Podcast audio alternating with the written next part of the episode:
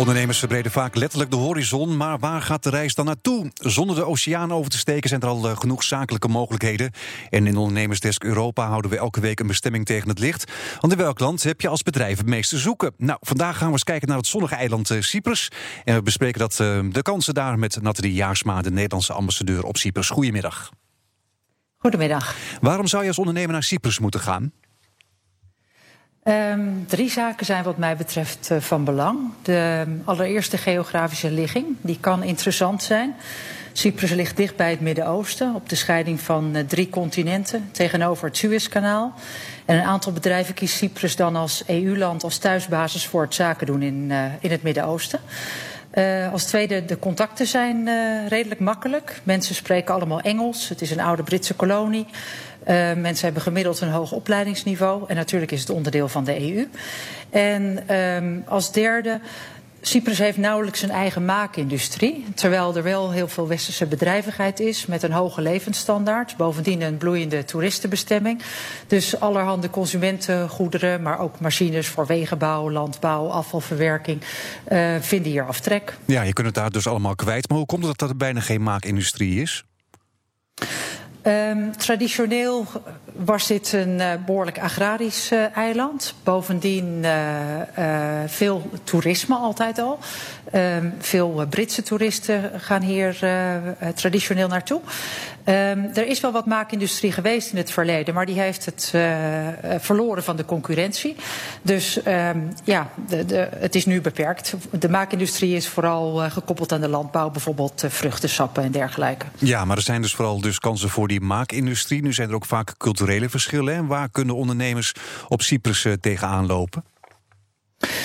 Um, nou, de Cyprioten die willen uh, vooral vaak hun uh, zakenpartner eerst goed leren kennen. Um, dus veel uh, uh, met elkaar eten. Je zal vaak uitgenodigd worden het in, het, in, het, dorp van de ondernemer. Valt mee. Um, wat, wat, leuk is dat wij hebben als Nederlanders een, een goede reputatie. We hebben een reputatie van doeners. Uh, we, krijgen dingen zonder, we krijgen dingen voor elkaar zonder dat we heel erg uh, rigide zijn. En um, er is vaak wel bewondering van hoe wij zaken geregeld hebben in, uh, in Nederland. Ik kreeg toevallig afgelopen vrijdag een, een artikel doorgestuurd van een burgemeester hier. Die had Nederland bezocht en die zet nu een artikel in de Cypriotische kranten over hoe mooi wij de waterhuishouding geregeld hebben, de landbouw, de woningbouw. Uh, er, is, er is gewoon grote bewondering voor onze uh, planologie, stedenbouwkundige, uh, architectuur en dergelijke. Ja, dus dat respect van beide kanten, dat is er in ieder geval. Cyprus heeft een Grieks en een Turks deel. Wat betekent die scheiding voor het zaken doen daar?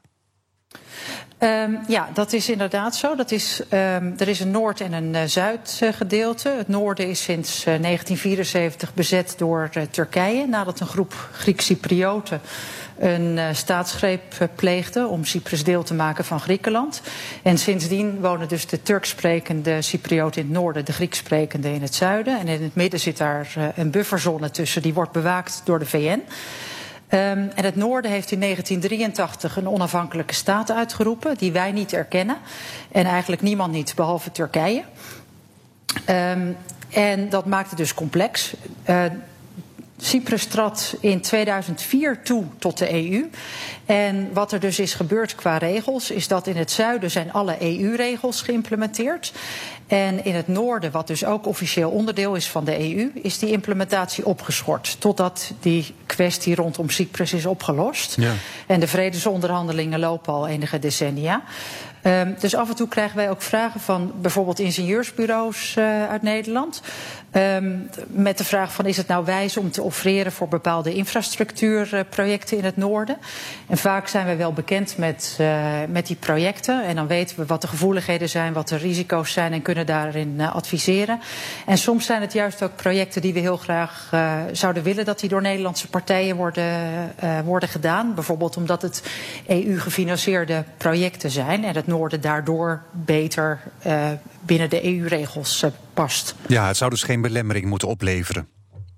Nee, niet altijd. Nee. Soms is er wel, wel gesprek? Dat ligt genuanceerd. Is er wel gesprek met de zeg maar, Turkse bezetting uh, met ondernemers? Is dat mogelijk? ja, dat is mogelijk. Het is. Uh, uh, waar de gevoeligheid uh, ligt, is als er uh, um, zeg maar vanuit staten contact is met, met de niet erkende staat.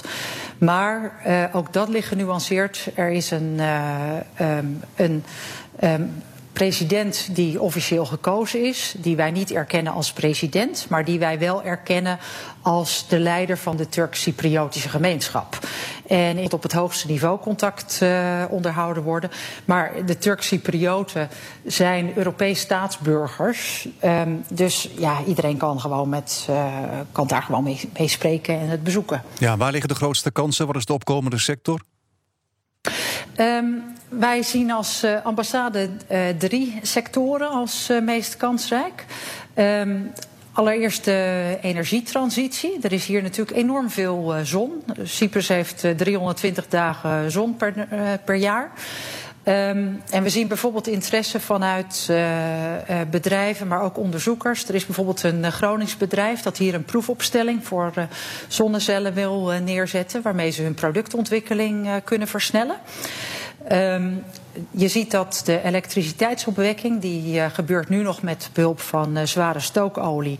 Nou, die centrales moeten allemaal omgebouwd worden naar uh, gas. En de markt moet verder geliberaliseerd worden, zodat er ook meer ruimte komt voor zonne-energie.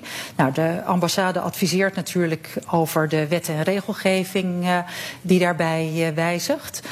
Um, dan de, de landbouw zien we ook als een kansrijke sector, omdat de uh, het land heeft te maken met uh, nogal wispelturige uh, regenval. Nu is het zomer, is het hartstikke droog. Um, in de winter kan het wel regenen. Maar we zien dat er sprake is van verzilting van de grond. En er is bijvoorbeeld een ziltboerderij in Tessel. Die heeft zich gespecialiseerd in landbouw op verzilte grond. Ah. En die zijn nu aan het kijken naar de kansen hier. Mm -hmm. maar bijvoorbeeld ook in de tuinbouw liggen er mogelijkheden. En verder is Cyprus is een grote scheepvaartshub. Uh, het is een relatief grote vlaggenstaat. En veel bedrijven uh, werken vanuit Cyprus om de bemensing van schepen wereldwijd te organiseren. En er is gespecialiseerde financiering. En die hub zorgt er ook voor dat er verschillende start-ups uh, zijn. Okay. Um, en de ambassade heeft bijvoorbeeld een Nederlandse start-up uh, geholpen met het vinden van een incubator in Limassol. Waar ze dan weer een stap verder zijn gekomen met de ontwikkeling van hun product. Nou, genoeg kansen dus daar op Cyprus. Dank u wel, Nathalie Jaarsma, de Nederlandse ambassadeur op Cyprus.